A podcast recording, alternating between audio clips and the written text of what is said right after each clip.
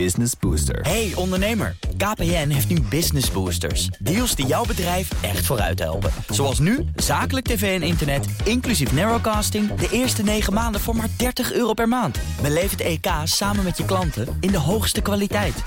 Kijk op kpn.com slash businessbooster. Business Booster. BNR Nieuwsradio. The Big Five. Diana Matroos. De democratie staat wereldwijd steeds meer onder druk. En ook in ons land is de druk duidelijk voelbaar. Wat staat er op het spel? Wie zijn er afgehaakt als het om onze democratie gaat? Hoe zijn we daar aanbeland? En heel belangrijk, waar liggen de oplossingen? Dat onderzoek ik al de hele week in BNR's Big Five van Democratie onder druk. Met vijf kopstukken. Vandaag wel een heel bijzondere gast. Want als er iemand wijs is op dat punt, dan is zij het wel. Gerdy Verbeet, voormalig voorzitter van de Tweede Kamer. Oud-voorzitter van het Nationaal Comité 4 en 5 mei. En P van de A prominent. Uh, Gerdy, ontzettend fijn dat u er weer bent uh, in dit programma. Vind het ook heel leuk om er te zijn. Uh, ik ga natuurlijk uh, praten met u over de vernieuwingen die de democratie uh, nodig heeft. maar voordat ik dat ga doen, wil ik eerst twee dingen van u weten. Gisteren kwam belangrijk nieuws binnen. Uiteindelijk gaat er van het kabinet excuses komen voor het slavernijverleden. Dat hebben Haagse bronnen uh, van de uh, redactie bij RTL Nieuws gemeld. Hoe belangrijk is dat in het licht van onze democratie? Dat is buitengewoon belangrijk. Ik was er vorig, vorig jaar bij, uh, of dit jaar eigenlijk, hè, moet ik zeggen, uh, bij de herdenking uh, in het Oosterpark. de Ketty Kotti-herdenking, einde ja. van de slavernij. En toen sprak de president van de Nederlandse Bank. En dan zie je, dan, dan, hoor je ook echt een zucht van verlichting gaan door de mensen die daar zitten, dat ze nou, zich erkend voelen. En, en, en ik vind het ook belangrijk. Je, de, de, de geschiedenis, je kunt er niet je bent er niet zelf bij geweest in mijn geval.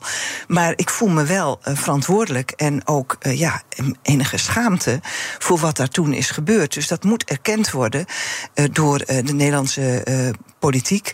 En je moet daar ook uithalen dat je opnieuw verbinding zoekt binnen de samenleving met alle groepen die een verschillende ervaring hebben gehad in die geschiedenis. Want er zijn natuurlijk heel veel mensen van wie ja, de overgrootouders dit nog gewoon zelf hebben meegemaakt. Dat ja. ze uh, slaaf waren, slaafgemaakt ja, waren. Dat is bij mij ook. Uh, mijn oma was de dochter van een slavin, hè? zo ja. dichtbij uh, is het. Ja. Um, maar die erkenning, is dat, is dat een belangrijk element ook van een goed functionerende democratie? Absoluut. Erkenning, respect voor elkaar hebben, ook respect voor elkaars gevoelens hebben. Dat, dat is de essentie van democratie. En nieuwsgierig zijn naar de ander. Echt willen weten, wat gaat er door de ander heen? Waarom is het zo moeilijk om tot dat punt te komen? Want dat is ook heel interessant. Uh, want dat heeft ook met heel veel andere onderwerpen te maken die we gaan bespreken. Dat het dus heel moeilijk is om tot die erkenning te komen. Dat het dus 150 jaar duurt. Ja, nou ja, in Nederland is natuurlijk altijd de, grote zorg van gaat het ons geld kosten? Uh, en dat, uh, dat remt veel politici om een standpunt in te nemen. Dat is heel jammer, want ja, niet dat het geld aan, de, aan de bomen groeit. Maar je moet soms wel ja, als je iets goed wil maken, daar ook in, in willen investeren. En er komt nu dat mooie museum, dat is ook hoog tijd. Maar het, wordt, het moet natuurlijk ook zo zijn dat er ook in Suriname uh, een, een, museum komt. En dat daar ook een educatie gewerkt wordt. Want het is niet alleen een, een, een probleem wat zich in Nederland voordoet. En ik snap ook heel goed dat men uh, in Suriname ook wil dat ook daar ter plekke gezegd wordt van dit had anders gemoeten. En dit, dat hadden wij nooit zo mogen doen. En dat men ook ja, verantwoordelijkheid neemt voor wat er in die periode is misgegaan. Het tweede wat ik uh, graag van u wil weten. U was eerder hier bij mij uh, te gast uh, bij de Big Five. En toen vroeg ik u, en dat was ten tijde van de verkiezingen, de coronatijd, was ook een hele spannende tijd. Begeeft de democratie zich op een hellend vlak? En toen zei u nee. als ik het u weer zou vragen, wat zegt u dan nu? Um, ik ben niet zo bang voor een hellend vlak. Uh, ik denk wel dat het tijd is om, uh, Kees Boman zei het een tijdje geleden, om kleur te bekennen. En wel uh, echt een, een, een standpunt in te nemen over opvattingen die sommigen naar voren brengen, die echt antidemocratisch zijn. En niet om dan het gesprek verder stil te leggen, maar wel scherp te zijn van wat u nu zegt, dat kan niet. En waarom is dat zo belangrijk? Want wat staat er dan op het spel? Nou ja, uh, de essentie is wel dat wij uh, blijven zoeken in onze samenleving naar oplossingen die zo breed mogelijk gedragen worden. En dat we ook accepteren dat democratie niet per se een snel proces is. Mm -hmm. Autoritair leiderschap. Uh, uh, dictaturen kunnen misschien veel sneller handelen. Maar dat is toch niet het systeem waarin Nederland de meeste mensen enthousiast over zijn. Nou, dat betekent dat je dan moet accepteren dat soms dingen lang duren. Aan de andere kant zeg ik ook, um, een overheid die niet goed presteert, en dat moeten we helaas vaststellen, dat er natuurlijk jarenlang zo bezuinigd is op de overheid, dat men op dit moment echt niet voldoende ambtenaren heeft net werd er gesproken over vergunningen. Ja, er zijn gewoon te weinig mensen bij gemeenten die vergunningen kunnen afgeven. Maar dat geldt ook bij de Raad van State. Daar heeft men ook een tekort aan mensen die snel aanvragen kunnen afdoen. Ja, als de overheid geen, IC, uh, uh, geen goede ICT-systemen uh, heeft, waardoor ze bijvoorbeeld de, BTW, de BTW op groente en fruit kunnen afschaffen, dan, ja, dan heb je natuurlijk wel een probleem. Dan heb je gewoon te weinig geïnvesteerd in je eigen organisatie. En als de overheid niet levert, ja, dan verliezen mensen natuurlijk wel hun vertrouwen. Ja, want dat is wel het punt waar we op staan. Hè. We zien dat ook dat het kabinet en het parlement die krijgt gewoon een slecht cijfer als we kijken naar het vertrouwen vanuit de samenleving. Hoe zijn we op dat punt gekomen? De uitvoering werkt dus niet, maar er is toch wel meer aan de hand? Nou, ik denk dat er, dat er uh, toen ik in de politiek begon, toen was er denk ik terecht ook wel kritiek op de wijze waarop de overheid bijvoorbeeld de spoorwegen uh, uitvoerde. En er waren nog wel andere dingen die de overheid toen nog zelf deed. Waarvan we dachten, nou, zou dat dan toch niet beter door de sector zelf gedaan kunnen worden? Nou, nu zie je dat dat eigenlijk een, eenzelfde uh, bureaucratie oplevert, alleen dan verplaatst. En ook nog veel duurder. En ook nog met minder zeggenschap. Dus ik denk dat, de, dat er een, een deel van de. Uh, uh, activiteiten waar je eigenlijk geen concurrentie wil, waar je eigenlijk uh, gewoon wil dat er een goed product is, dat dat niet per se gaat om keuzevrijheid, maar gewoon om goede diensten, dat de overheid dat weer zelf moet doen. Maar dan moet ze ook wel uh, investeren in zichzelf. Dus voldoende ambtenaren, voldoende mm -hmm. ja, hardware. Hè, ja, dat vind ik heel mooi, want u zegt vaak het gaat zowel om de hardware als om de software. Hè? En ja. dit is dan de hardware, maar als je naar de software kijkt, waar gaat het daar mis? Want misschien is die nog wel crucialer. Nou, of ik weet het eigenlijk niet. Kijk, uh, uh, ik denk dat ambtenaren, uh, dat zie ik dan in dit geval als software, uh, dat die ehm, eerlijk en eerder uh, en ook harder misschien tegen politici moeten zeggen: wat u nu wil, dat kan niet. Wij zouden dat wel willen, maar we hebben de mensen niet en hebben de spullen niet. Dus je, je moet een, een, een, een zeg maar, een ambtenarij hebben. En daar spelen natuurlijk de secretarissen-generaal een belangrijke rol in. Die ook eerlijk durft te zeggen wat ze wel en wat ze niet kunnen. En daar ook aan vasthouden. En ik zou, als ik de Kamer was, ook de ambtenaren zelf willen horen. En aan hen willen vragen: wij willen dit heel graag. Hoe kan, kan het? het? Wanneer? en wat heeft u nodig om het voor elkaar te kunnen krijgen? En dan ook accepteren. Uh, dat geldt bijvoorbeeld ook nu met die nieuwe pensioenwet die eraan komt. Uh, uh, zijn wij in staat om dat inderdaad in die korte periode uh, voor elkaar te krijgen? En als de, als de Kamers heel veel tijd nemen om wetten te wat ik heel goed vind, te doorgronden en ook te kijken, is de uitvoering mogelijk? Dan moet men ook voldoende tijd geven aan degene die het moeten uitvoeren, uh, om uh, dat kunnen voorbereiden. Want anders gaat het mis en dan zijn de burgers terecht zeer teleurgesteld. En, en, en het eerlijke verhaal wordt dan eigenlijk uh, niet gevoerd. Um, en dat komt uiteindelijk ook bij die burger terecht, want dan krijg je een soort verhullend taalgebruik. Ja, en dan, ja, nou ja, mensen zijn daar, mensen zijn natuurlijk heel slim. Dus die horen precies uh, of het, of het uh, serieus is of niet. Hè. Mensen, je hoeft geen enkele illusie te hebben, mensen prikken overal doorheen toch hebben ze, ik vond in die zin een heel mooi, uh, hele mooie column van Hans Goslinga in, uh, in een, uh, nou niet echt concurrerende krant, denk ik voor u, ander publiek, trouw. Die zegt: het feit dat de mensen zo boos zijn op de politiek, betekent wel dat ze nog steeds echt geloven in het democratische systeem. En daar werd ik dan zelf ook wel weer heel gelukkig van. Dus men heeft hoge verwachtingen van, van de overheid en wat die zou moeten kunnen. Maar ja, moet ook gebeuren. The Big Five. Diana Matroos. Mijn gast vandaag in BNR's Big Five van de Democratie onder druk is Gerdy Verbeet, voormalig voorzitter van de Tweede Kamer en P van de A-prominent. Uh, als we dieper inzoomen op de problemen met onze democratie nu, want u zegt: uh, ik ben niet bang dat het op een hellend vlak staat, maar er is wel wat aan de hand. Hè. We moeten nu goed voor die democratie gaan zorgen en een aantal zaken anders gaan aanpakken. Uh, ligt daar ook niet onder dat onze polder gewoon niet meer goed werkt. We waren altijd zo goed, zo, zo goed in het compromis met elkaar uh, vinden. En dat lijkt ontzettend lastig geworden. Dat is lastig geworden. Natuurlijk wel de laatste jaren heeft de SER gelukkig wel weer initiatief teruggepakt. Hè? En, uh, en de Sociaal-Economische Raad. Ja. Dus die heeft wel met uh, werkgevers, werknemers en, en de overheidsvertegenwoordigers toch wel weer goede afspraken kunnen maken. Een van de dingen is het pensioenakkoord. Dat is natuurlijk wel een tijdje geleden. Maar goed, het is toch belangrijk dat dat toen gebeurd is. Maar wat ik belangrijker vind, is dat, uh, dat in de samenleving het, het, zeg maar, het compromis niet meer echt wordt gevierd. Dat zie je ook in de, in de, in de Tweede Kamer, tot mijn spijt. Uh, dat men meer. Uh, investeert in het uh, verhelderen van het eigen standpunt en juist de afstand scheppen tot de ander, dan dat je kijkt van waar ligt nou gemeenschappelijke grond, waar kunnen we elkaar nou vinden? Want uiteindelijk is democratie ook dat je uh, uh, een oplossing kiest met een zo groot mogelijk draagvlak. En niemand heeft de waarheid in pacht. Dus een debat moet je eigenlijk gebruiken om goede elementen uit de redenering van anderen te verwerken in het voorstel. Ja, en daar, en daar misschien verdiepende vragen bij te stellen. Ja. Van, uh, hè, maar hoe gaan we dat dan doen? Of hoe ziet u dat voor zich? En is dat uitvoerbaar? Die, die uitvoerbaarheid, het is echt een, vind ik, je kan ideologie hebben, maar het gaat toch vooral ook, kan het in de praktijk? En, uh, en dan moet je je ook altijd als politicus uh, in, uh, goed realiseren dat iedere verandering is voor mensen. Uh, altijd, he, gewone mensen, uh, altijd ongemak. Mm -hmm. Want je bent gewend aan een bepaald systeem en dat is niet helemaal perfect. Maar dat nieuwe systeem, daar moet je weer mee leren omgaan. Dus vraag je af, werkt dit?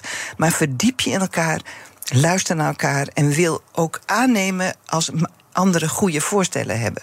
En, en waarom is het uh, zo. Want, want u heeft zo lang rondgelopen hè, in, in, in Den Haag. Ja. U heeft het zien uh, veranderen. Hoe zijn we op dat punt gekomen dat we ons zo hebben ingegraven... en dat de Kamer zich ook op deze manier heeft ingegraven? Ja, ik, moet, ik wil natuurlijk niemand... Uh, er is niet iets of iemand is daar de schuld van... maar ik denk wel dat uh, politieke partijen voortdurend in een soort campagnestand staan. Mm -hmm. Dus de, de, de iedere week peilingen. Ik bedoel, ik word iedere zondagochtend door mijn man uh, altijd vergast op de laatste peilingen van Maurice de Hond.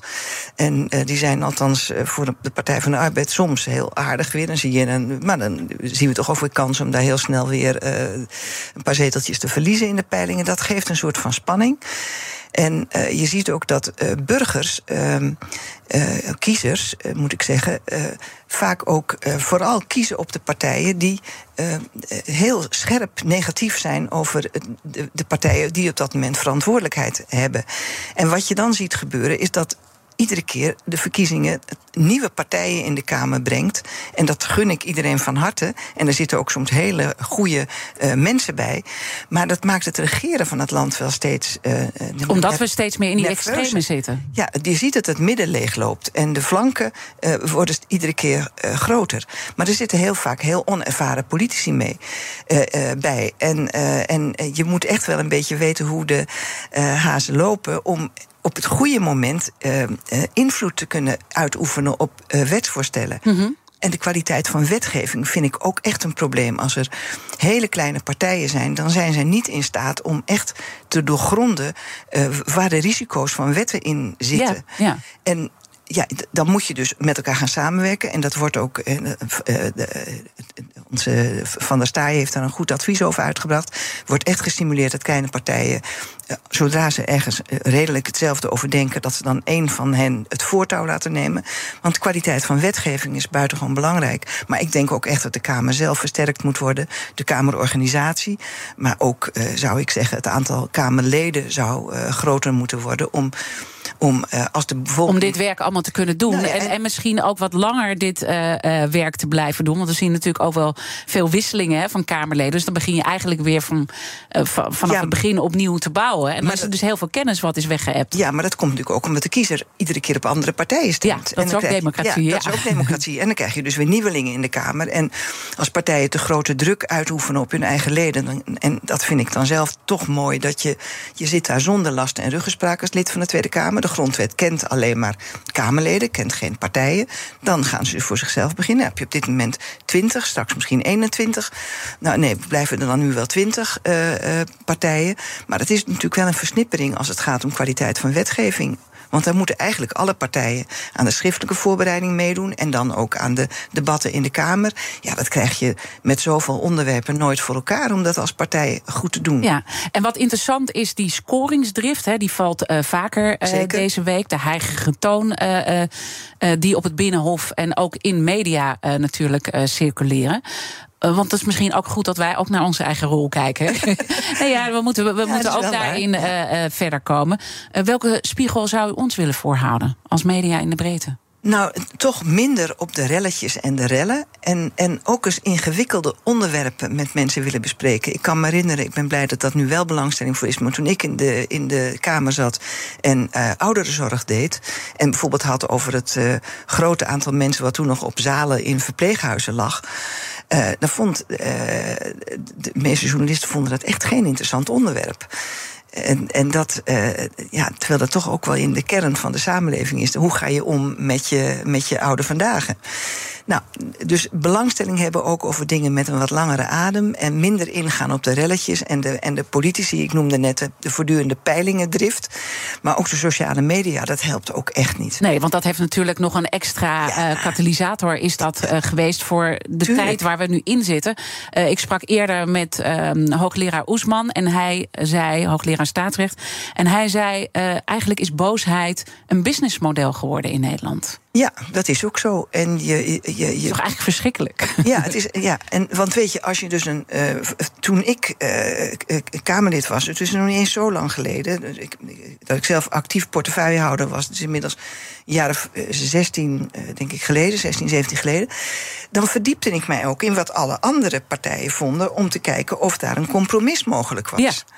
Maar nu verdiept men zich in de andere partijen om daarna het verschil met de eigen partij zo groot mogelijk te maken. Ja, daar schiet de burger niets mee op. En dan zien we nu dat iedereen wel doorkrijgt dat het niet echt helemaal uh, lekker werkt. En dan zie je toch een soort worsteling hoe ze daar uh, mee om moeten gaan. Hè? Dus uh, hoe je bepaalde dingen moet Nou ja, bekende voorbeeld: Kaag loopt uit de, ja. de Kamer weg en de rest gaat er achteraan. Is dat vanuit democratisch oogpunt dan de juiste manier om met deze gespannen situatie om te gaan? Nee, dat denk ik niet. Ik denk dat je. De, en men doet ook wel pogingen om, om in de reglementen vast te leggen. Uh, hoe je met elkaar zou moeten omgaan. Hoe je zeg maar de, de, de, de, nou ja, het aanzien van de politiek ook blijft uh, bevorderen. En uh, ja, ik denk dat dat, dat, dat dat moeilijk is, ook voor een voorzitter. Ik, ik, ik, ben echt blij dat ik op dit moment niet in de schoenen sta van de Kamervoorzitter. Want je moet eigenlijk vanaf het eerste minuut moet je, moet je proberen de sfeer zodanig uh, in beeld te hebben dat je er meteen bovenop zit. En ieder, iedere keer als mensen niet op de bal spelen, maar op de man, moet je daar eigenlijk uh, zonder aanzien des persoons uh, een, een, stokje voor steken. Dat werkt dus niet. Men, en ik denk dat de meeste mensen, er zullen mensen zijn die daar lol aan beleven. Ik denk ook dat burgers het heel goed kunnen relativeren. Uh, wat er gebeurt. Maar toch moet je proberen om het uh, in de Kamer vooral over de inhoud te hebben. En ja. over de uitvoering. Dus eerder daarop sturen in. Hè, want ik bedoel, zou nooit op, uw opvolgers nee, in de weg nee, nee, gaan staan. Maar toch eerder, eerder begrenzen eigenlijk. Niet wachten het, tot het zover uit de hand is gelopen. Ja, je moet ook, zeg maar, als iemand al begint met, met de toonhoogte en, de, en persoonlijke kritiek. En heel maatgevend daarvoor is het dat men op het moment dat men begint niet meer via de voorzitter te spreken spreken, meteen uh, toeslaan.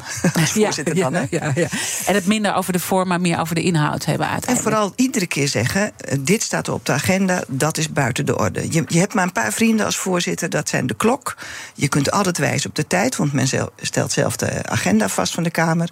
Je kunt wijzen op uh, het reglement van orde. En dan heb je vooral ook nog je eigen goede humeur en vooral een beetje humor nodig, omdat het ook een ventiel van de samenleving is, de Tweede Kamer. Ja, en dat is wat we zien. En laten we het zo meteen. Mijn gast is uh, oud-Kamervoorzitter Gerdy Verbeet. Uh, laten we het zo meteen ook hebben over die uh, samenleving, de afgehaakten, zoals ze ook wel worden genoemd. Hoe we die er weer bij kunnen betrekken bij de democratie, want dat is ontzettend belangrijk. En ook wat we kunnen leren van haar ervaringen als voormalig voorzitter van het 4 en 5 mei-comité. Blijf luisteren. Hardlopen, dat is goed voor je. En Nationale Nederlanden helpt je daar graag bij. Bijvoorbeeld met onze digitale NN Running Coach... die antwoord geeft op al je hardloopvragen. Dus, kom ook in beweging. Onze support heb je. Kijk op nn.nl slash hardlopen. Business Booster. Hey ondernemer, KPN heeft nu Business Boosters. Deals die jouw bedrijf echt vooruit helpen. Zoals nu, zakelijk tv en internet, inclusief narrowcasting... de eerste 9 maanden voor maar 30 euro per maand. Beleef het EK samen met je klanten in de hoogste kwaliteit. Kijk op kpn.com slash businessbooster. Business Booster. BNR Nieuwsradio. The Big Five. Diana Matroos. Welkom bij het tweede halfuur. Deze week praat ik met vijf kopstukken uit de wereld van de democratie. Eerder deze week sprak ik onder andere met Hanke Bruins-Slot, onze minister van Binnenlandse Zaken en Koninkrijksrelaties, over haar rol in het beschermen van de democratische rechtsorde. Ze maakt zich ontzettend zorgen over de bedreigingen richting journalisten, politici, ambtenaren. Luister het gesprek terug via onze BNR-app. Mijn gast vandaag is Gerdy Verbeet. Zij is voormalig voorzitter van de Tweede Kamer. Van de A prominent en ook uh, schrijver van het boek uh, Gerdy. Dat ja. is ook weer de titel. Vertrouwen is goed, want maar begrijpen is beter. Ja, en dat boek is al, uh, nou ja. Ja, in de Rams kan je het nog ja. krijgen. maar nog steeds ontzettend cruciaal, want het heeft alles met de democratie te maken. Ja, ja zeker. Ja. Ja. Nu zou ik er misschien aan toevoegen, maar meedoen is beter. Want ik zou graag willen dat iedereen meedoet aan de democratie. En dat is een heel mooi bruggetje eigenlijk naar het komende half uur. Want straks wil ik echt de belangrijke adviezen richting politiek Den Haag weten. Maar ook een ander belangrijk punt. Hoe betrekken we nou mensen eigenlijk bij de democratie? want die democratie staat onder druk. En de kettingvraag die wij altijd hier doorgeven, die is daar uitstekend geschikt voor. Gisteren sprak ik met Eva Rovers. Zij is schrijver en cultuurhistoricus. En zij had deze vraag voor u. Nou, ik ben heel erg benieuwd of uh, mevrouw Verbeet iets zou zien in dat idee van een derde kamer. Dus inderdaad, naast uh, de Eerste en de Tweede Kamer, of zij er heil in ziet om een derde kamer op te zetten met daarin geloten inwoners die he, bepaalde problemen ook aanpakken mm. door middel van burgerberaden. Het idee van burgerberaden, nou volgens mij is dat wel iets uh, waar u voor voelt. Ja, is in, dat, in dat boek waar u net over had, heb ik David van Rijbroek uh, ge, uh, geïnterviewd. En die had het toen over die burgerberaden die hij in België had gehouden. En daar kwam bijvoorbeeld uit dat, dat toen het was op het toppunt van de financiële crisis in 2008. Dus dat de hele politiek hield zich bezig met de banken. En burgers waren nog steeds vooral bezorgd over de migratieproblemen. En, en dat verschil in de agenda van burgers en politiek is heel belangrijk. Dus ik zou heel graag burgers en willen be betrekken bij. Uh, ja, maar, bij de agenda van de politiek. Wat zijn nou de belangrijkste dingen waarvan zij vinden dat dat aangepakt moet worden? En ten tweede zou ik burgers ook heel actief willen be betrekken bij de uh, uitvoering van is, kan het nou op deze manier? Want die toeslagen, de manier waarop dat is aangepakt. Zeg maar, de wijze waarop mensen die konden aanvragen. en dat ze dan hun salaris of het inkomen van het jaar erop zouden moeten voorspellen. dat is natuurlijk vragen om uh, problemen. Dus, dus het betrekken van burgers erbij. nooit in plaats van de representatieve democratie. Hoewel daar ook wel iets moet veranderen. Maar wel om het gesprek weer op gang te brengen. Wat ik denk dat vroeger in de zuilen plaatsvond. Mm -hmm. hè? In, in de rooms-katholieke zuil, in de protestante zuil, in de openbare zuil. Hè?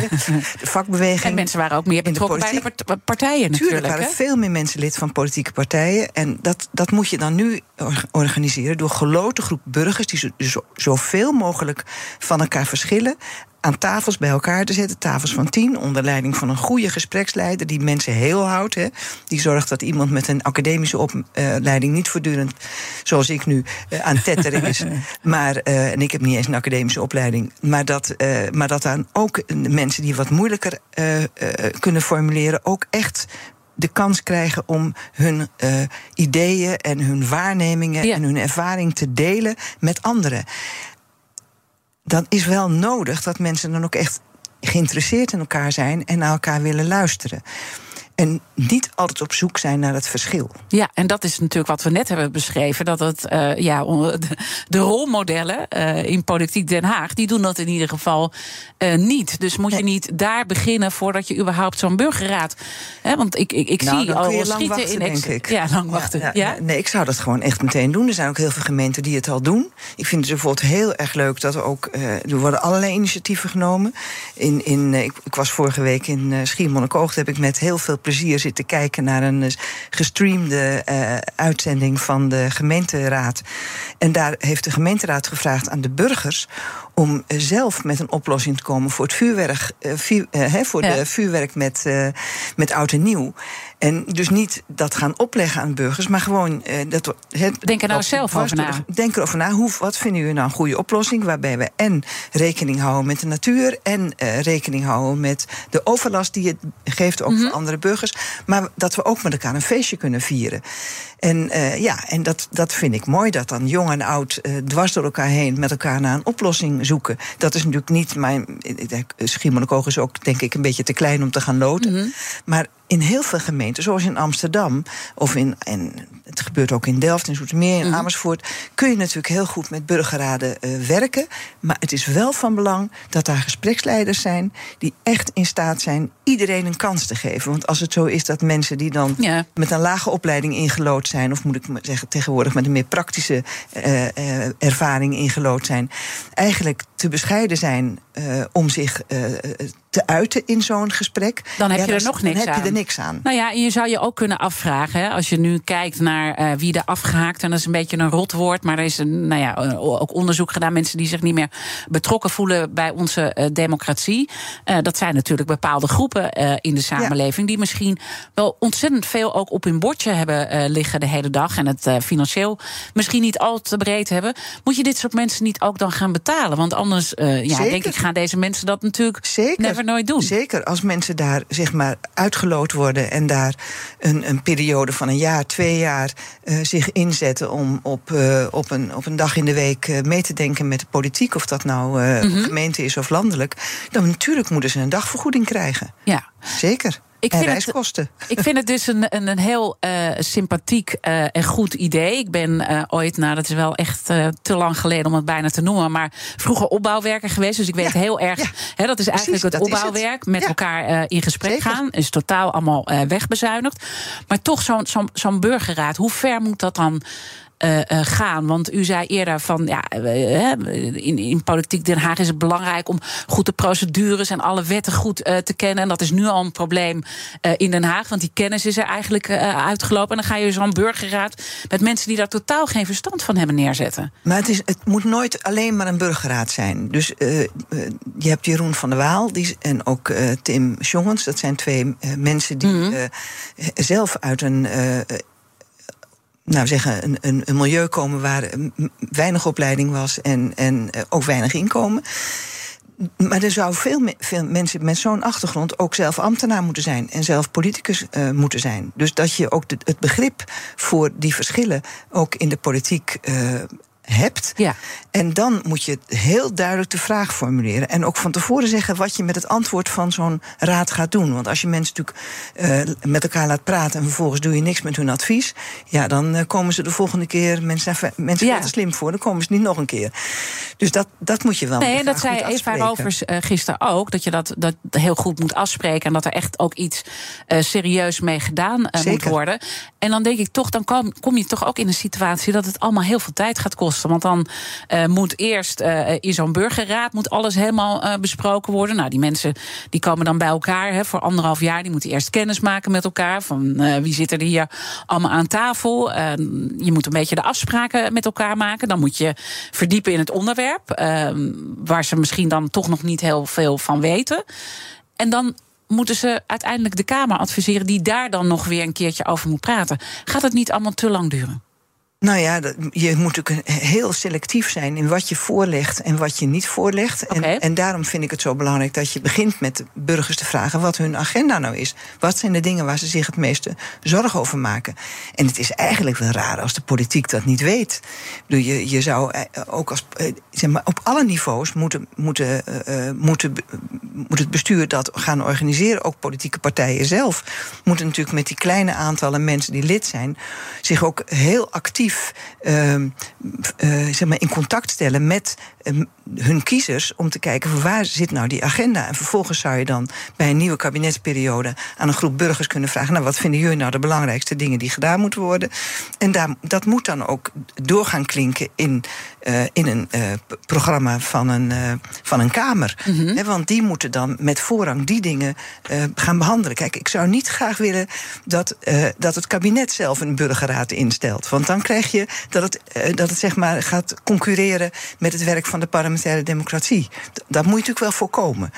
Maar de Kamer zou heel goed een aantal onderwerpen kunnen uh, selecteren waar men langjarig de inspraak van de, van de burgers op wil. En dat gaat dan met name natuurlijk om zaken die ons allemaal raken, zoals uh, klimaat. Daar is Eva ook heel actief mee. Ja. Maar ook met uitkeringen, maar ook met woningbouw. Wat voor woningen willen mensen nou eigenlijk? Mm -hmm. Ik denk dat er op dit moment eigenlijk te veel grote en te weinig kleine woningen worden gebouwd. Maar ik denk dat maar, ik weet dat niet. Daar zou je nou eens een keer een burgers over, over, moeten, moeten, moeten vragen. Ja. ja. uiteindelijk ligt natuurlijk ook een belangrijke kern. En nu benoemde dat ook al, dat in de Kamer, uh, ja, daar gaat het met name over bepaalde diploma's die daar zitten. En dat was vroeger wel wezenlijk anders.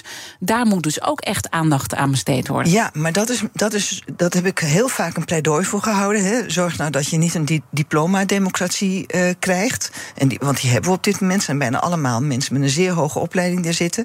En niet altijd met heel veel ken kennis van het, mensen met praktische ervaring. Dus dat moet je gaan aanvullen, want in de Kamer zelf krijg je dat niet uh, veranderd. Ja, en waarom is dat zo moeilijk om die verandering op Omdat alle partijen natuurlijk toch, uh, uh, en zeker als je zoveel partijen hebt, die willen toch een aantal specialismen hebben. Ze willen een paar juristen, ze willen iemand die kennis heeft uh, over openbare orde. Ze willen iemand die gespecialiseerd is in sociale zekerheid, met een medische achtergrond. Nou ja, dan, dan, dan zit je al, en als het er twintig zijn, dan ben ik al, heb ik er al honderd en dan heb ik nog niemand. Maar, met, maar het is toch gewoon mensen uitnodigen uit je eigen bubbel en het ook spannend vinden om iemand ja, anders daar tegenaan te Ja, maar hoeveel mensen kennen nog mensen die niet in hun bubbel zitten. Ik bedoel, ik, ik, als ik zelf uh, uh, vacatures heb in, in, in, in, de, in de clubs waar ik in uh, actief ben, dan vraag ik tegenwoordig altijd om externe, om met lijstjes te komen. Want ik zit ook in een bubbel. En dat besef moet je zelf ook hebben. Business Booster. Hey ondernemer, KPN heeft nu Business Boosters. Deals die jouw bedrijf echt vooruit helpen. Zoals nu, zakelijk tv en internet, inclusief narrowcasting... de eerste 9 maanden voor maar 30 euro per maand. Beleef het EK samen met je klanten in de hoogste kwaliteit. Kijk op kpn.com slash businessbooster. Business Booster. Hardlopen, dat is goed voor je. En Nationale Nederlanden helpt je daar graag bij. Bijvoorbeeld met onze digitale NN Running Coach... die antwoord geeft op al je hardloopvragen. Dus, kom ook in beweging. Onze support heb je. Kijk op nn.nl slash hardlopen. BNR Nieuwsradio. The Big Five. Diana Matroos. Je luistert naar BNR's Big Five van de democratie onder druk. Mijn gast vandaag is Gerdy Verbeet, voormalig voorzitter van de Tweede Kamer... en ook voormalig voorzitter van het uh, Nationaal Comité 4 en 5 mei. Uh, ik wil niet helemaal uitgebreid op het breekijzer ingaan... maar Olaf Scholz uh, viel net even. Um, hoe kijkt u ernaar dat hij zo onder vuur ligt... waar hij toch ook wel probeert andere dingen... zonder heel, heel erg nu op China in te gaan? Nou, ik vind het een beetje vreemd. Ik vind het eigenlijk heel erg goed dat uh, uh, Scholz, of en wie het ook is, dat men toch de, de ja, kanalen openhoudt, ook naar China. Je moet elkaar niet op voorhand uitsluiten. Je moet ook niet naïef zijn. Ik vind dat je wel moet opletten dat niet de hele haven in, in handen is van Chinese aandeelhouder. Hè. Dus dat, ik denk dat je dat, dat je dat heel zorgvuldig moet doen. Maar we zien nu toch ook dat, dat, dat het het heel mooi uitkomt dat Erdogan toch nog een redelijke relatie met Poetin heeft. Waardoor in ieder geval de graan uh, nu uh, uit, uit Oekraïne weg uh, kan komen. Je moet toch ook altijd mensen hebben die in tijden van grote crisis als, ja, als, als verbinder kunnen functioneren. Ja, en dan wordt er ook wel eens gezegd verbinden, bruggen bouwen. Ja. Is, is, als we dan weer kijken naar onze situatie nu hier in Nederland en hoe we het vertrouwen kunnen herstellen. Hè? En, want we hebben het allemaal gehad over nieuwe bestuurscultuur en al dat soort dingen. Nou ja, als we nu kijken naar alle verhalen, dan, dan, dan vind je ze eigenlijk niet terug, uh, die veranderingen. Is Rutte de man die ook deze verandering kan leiden? Nou, dat zou eigenlijk wel uh, moeten. Want mm -hmm. hij heeft natuurlijk een lange verantwoordelijkheid. En hij heeft ook, denk ik, toch het gezag om, uh, om dat te doen er zijn toch ook, bedoel je, we focussen natuurlijk altijd, we kijken natuurlijk altijd naar de mensen die, die tegen zijn en die boos zijn. Maar er zijn natuurlijk ook wel heel veel mensen die toch alles bij alles vinden dat het, uh, als, als, als nog zo uh, mm. kritiek, toch vinden dat het in Nederland nog wel een mooi land is waar ze graag willen blijven. Hè? Dus vergelijk met anderen. Zeker, zeker. En mensen zijn hier. ook tevreden over de democratie, blijkt uit onderzoek ja, van het Sociaal Cultureel Planbureau. Hè? Dus zeker. het is ook dus niet zo ook niet alleen maar ellende. Te dramatisch maken. Ja. Maar zoeken naar verbinding. Uh, nou, we begonnen de uitzending met met uh, de excuses voor de slavernij. Dat is ook een teken daarvan dat, dat hij dat belangrijk vindt. Ik denk wel dat er meer nodig is. Ik denk dat, het, uh, dat de verbinding ook beter tot stand zou komen. Zo toch teruggaan een districtenstelsel in Nederland. Dat betekent dat de kiezer en gekozenen dichter bij elkaar zijn. En uh, ik was er vroeger nooit voor, omdat ik dan bang was dat er weer helemaal geen vrouwen op de lijst zouden komen. Maar ik zie inmiddels zoveel vrouwen zo actief en zo goed in de politiek. Ik kan me niet voorstellen dat dat nog zal gebeuren. En uh, ja, dus ik denk dat je uh, binnen kleinere uh, kiesdistricten meer contact kunt hebben met je eigen volksvertegenwoordigers. En dat dat ook het gesprek op gang houdt. Ik zei al een paar keer, u bent uh, lang de voorzitter geweest van het Nationaal Comité 4 en 5 uh, mei. Als we het hebben over dit onderwerp. Democratie is dat natuurlijk ook heel erg gerelateerd aan uh, 4 en 5 mei. Wat zijn de inzichten die u daar nou heeft opgedaan in, in die rol zo lang, waar we hier wat kunnen leren? Nou, dat je voor je het weet uh, uh, programma's en boodschappen uh, uitzendt. Uh, waar, waarbij een deel van de samenleving zich niet betrokken voelt. Ik, ik, had, ik vond het zelf leuk om bij de voorbereiding van beleid ook met groepen mm -hmm. jonge mensen te spreken. En toen kwam er een keer een meisje met van wie de ouders vertelden ze uh, uit Ghana kwamen. En zei: Ja, maar mijn ouders en mijn opa en oma waren hier helemaal niet tijdens de Tweede Wereldoorlog. Ik zei: Ja, maar het was wel een wereldoorlog. Dus waar zij waren, heeft de oorlog ook op wat voor manier dan ook, veel of weinig, ook invloed gehad. Zegt dus je zou eens kunnen uh, vragen hoe dat. Uh, wat jouw ouders of grootouders mm -hmm. toen meegemaakt mm -hmm. hebben. Ik zeg, en ik, ik was er ook niet tijdens de Tweede Wereldoorlog. Dan zijn die kinderen altijd heel verrast, want die vinden mij natuurlijk stokoud. Was jij er ook niet tijdens de Tweede Wereldoorlog? Ik zeg, nee, het is de, voor mij ook de Tweede Wereldoorlog van mijn ouders, van mijn grootouders. Ik ben na de oorlog geboren. Oh, ik zeg dus het is jouw oorlog, want jij woont in Nederland en wij moeten dus leren van die Tweede Wereldoorlog hoe dat ontstaat. Uh, hoe, uh, uh, hoe op een gegeven moment men, mensen soms nog wel redelijk democratisch lijkt het aan de macht komen, maar vervolgens die democratie gaan uithollen en, en heel tersluiks alle democratische procedures gaan afschaffen. Dus die waakzaamheid moet, eh, heb jij ook nodig. En dat is wat wij moeten leren van de Tweede Wereldoorlog. Zorgen dat er niet weer opnieuw één bevolkingsgroep apart gezet wordt mm -hmm. en uitgesloten wordt en, he, uitgesloten wordt en vermoord wordt. De holocaust op de Joden en de Roma en de Sinti. Dat zijn dingen die, die, die we dan aan de kinderen willen overbrengen. En het, het leerde mij wel dat uh, als je dat niet heel specifiek maakt, dat sommige groepen kinderen denken: uh, dat gaat niet over mij. Ja. Dat gaat over. Uh, dat moet je levend houden, dat moeten we over vertellen stellen. Net zoals dat we over het slavernijverleden nu eindelijk gewoon Precies. lespakketten gaan komen. Ja. Want dat is wel triest hoe weinig regeltjes daarin staan. Oké, dus het, het levend houden is heel erg belangrijk. Waardoor iedereen ook signaleert eigenlijk wat er gebeurt in een samenleving nu. En, en dat we dus nog niet op een hellend vlak staan als het gaat over onze democratie. Maar dat u wel nu signalen waarneemt waarvan u zegt: let op. Uh, langzamerhand, sluipenderwijs, zakken we af. Ja, nou ja, die, en dat komt dus, u noemde het zelf dat woord al, zeg maar, toch door die verbubbeling van de Kamer, die nog versterkt wordt door de sociale media. He. Je mhm. krijgt eigenlijk via algoritmes allemaal uh, informatie waar je zelf wat je ook al vond, hè, dat is ook het lekkerst om te lezen natuurlijk, dat je toch een beetje gelijk krijgt.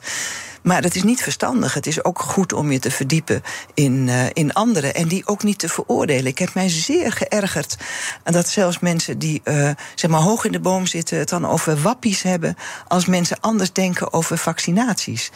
En uh, ik heb nu ook wat discussies. Ik, doe, ik heb natuurlijk die boosters gehad, maar een deel van, van de jongeren in mijn omgeving, jongere mensen, en je bent al gauw jonger dan ik, die doen het niet meer. Die hebben mm van, nou, ik heb er nou al genoeg gehad. Ja. Dan ga ik ze toch niet meteen veroordelen. Nee, nee ik vind het wel interessant interessant om te weten waarom ze het doen. En ik vind dan ook dat ze naar mij moeten luisteren waarom ik graag wil dat, ze, dat er wel een bepaalde vaccinatiegraad blijft. Maar heb respect voor elkaar. Maar heb respect voor elkaar, ook voor andere meningen. En, en, stel dus die verdiepende vragen aan de ander. Hè? Ga even aan de andere kant staan. Ja. Uh, en, en, en pas ook op met uh, op sociale media. Want daar ging het gesprek met uh, de minister van Binnenlandse Zaken over. De bedreigingen, dat is natuurlijk echt een, een serieus probleem. En de intimidatie. Hè? De ja. laatst journalist die dan en we, ja, intussen worden we voor rioolratten uitgemaakt. Dus we worden ook onmenselijk. Hè? Ja.